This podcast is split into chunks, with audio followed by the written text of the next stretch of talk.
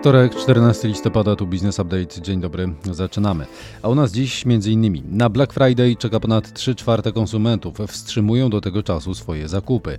Jeden z potencjalnych inwestorów CPK wspiera Węgry w prywatyzacji lotniska w Budapeszcie. Chiński producent chipów złożył pozew przeciwko swojemu amerykańskiemu konkurentowi. Business Update. Zacznij dzień z przewagą. Zaczynamy tradycyjnie od podsumowania rynków. WIG20 spadł wczoraj o 0,4% do 2132 punktów. Najwięcej wśród blue chipów traciło PGE 4%. Na szerokim rynku na uwagę zasługuje wzrost ceny akcji i firma o 10%, to po informacji o dywidendach, a jeszcze wczoraj cena akcji i firma spadała o 20% po publikacji wyników. Wieczorem dolar spadał do 4,13 zł, euro utrzymało się na poziomie 4,42. Cena ropy po wcześniejszych spadkach w poniedziałek poniedziałek wieczorem odbijała o około 1,5%.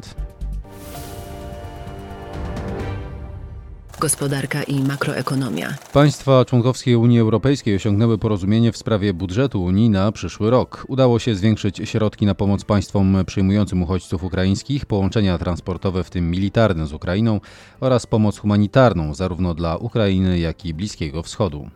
Jak informuje NBP, wrzesień zakończył się nadwyżką na rachunku bieżącym w wysokości 394 milionów euro, przewyższając znacząco oczekiwany konsensus wynoszący 46 milionów euro. Eksport towarów z Polski w tym samym czasie zmniejszył się o 4,3% rok do roku, natomiast import spadł o prawie 15%. Wpływ na te wskaźniki zdaniem NBP ma obniżenie cen. Jak poinformował Piotr Müller, rzecznik rządu w gabinecie Mateusza Morawieckiego, premier nie podjął jeszcze decyzji w kwestii powołania przewodniczącego KNF i nie wiadomo, czy wskaże go w tej kadencji. Prezydent USA Joe Biden oraz przewodniczący Komunistycznej Partii Chin Xi Jinping spotkają się w przyszłym tygodniu. Będzie to pierwsze spotkanie od ponad roku. Amerykańscy eksperci przestrzegają jednak, aby nie oczekiwać po nim wyraźnej poprawy stosunków między mocarstwami.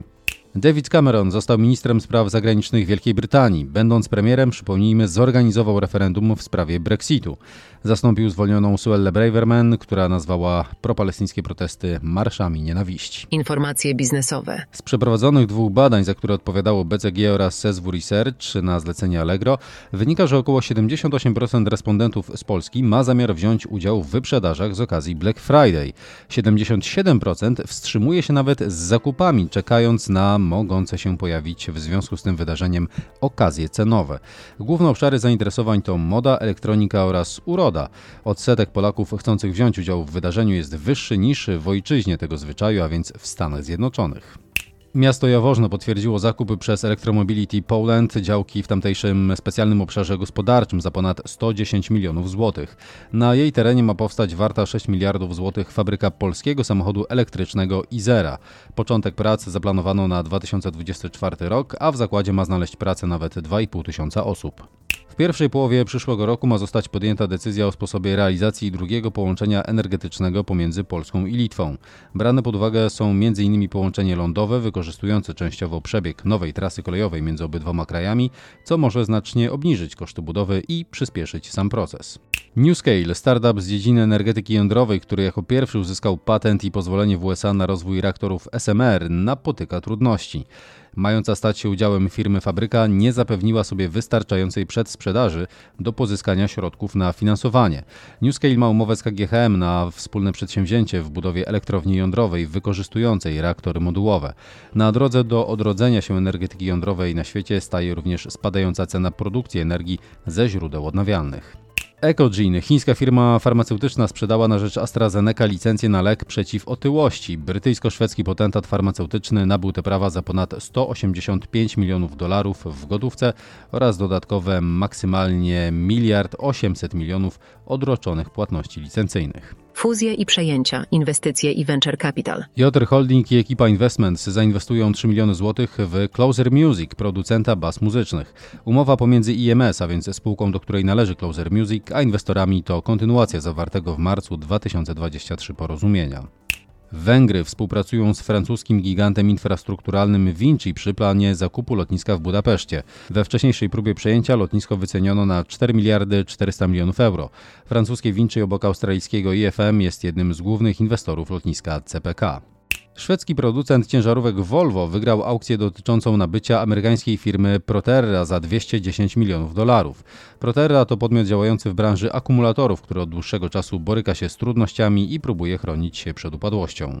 Bank Societe Generale analizuje możliwość sprzedaży swojej niemieckiej firmy Hanseatic Bank, zajmującej się finansowaniem konsumenckim. Prawo i podatki. Urząd Ochrony Konkurencji i Konsumentów poinformował, że firma Best Review wprowadzała konsumentów w błąd w związku ze sprzedażą gotowych recenzji bez uprzedniego przetestowania produktów czy sprawdzenia rzetelności zleceniodawców. Urząd wskazał, że wykupione przez klientów pozytywne opinie zamieszczano m.in. w wizytówkach Google, ale także na portalach takich jak Znany Lekarz, Opineo, Oferteo, Ceneo, Wakacje, TripAdvisor czy Google Play e, albo Facebook. Best River grozi kara do 10% obrotu. Z danych Ministerstwa Finansów wynika, że na rozpatrzenie wniosku o wydanie opinii o stosowaniu preferencji w podatku u źródła trzeba czekać średnio 8 miesięcy. Tyle samo czeka się na zwrot nadpłaconego podatku u źródła. Według Ministerstwa Finansów na wydłużenie czasu oczekiwania wpływa złożoność niektórych spraw. Te wymagają dokładnego ustalenia stanu faktycznego. Unijne instytucje od kilku miesięcy negocjują treść rozporządzenia dotyczącego sztucznej inteligencji, tzw. AI Act. Ostatnia modyfikacja projektu pozwoli modelom sztucznej inteligencji spełniającym konkretne warunki trafić do grupy systemów traktowanych przez nowe regulacje łagodniej.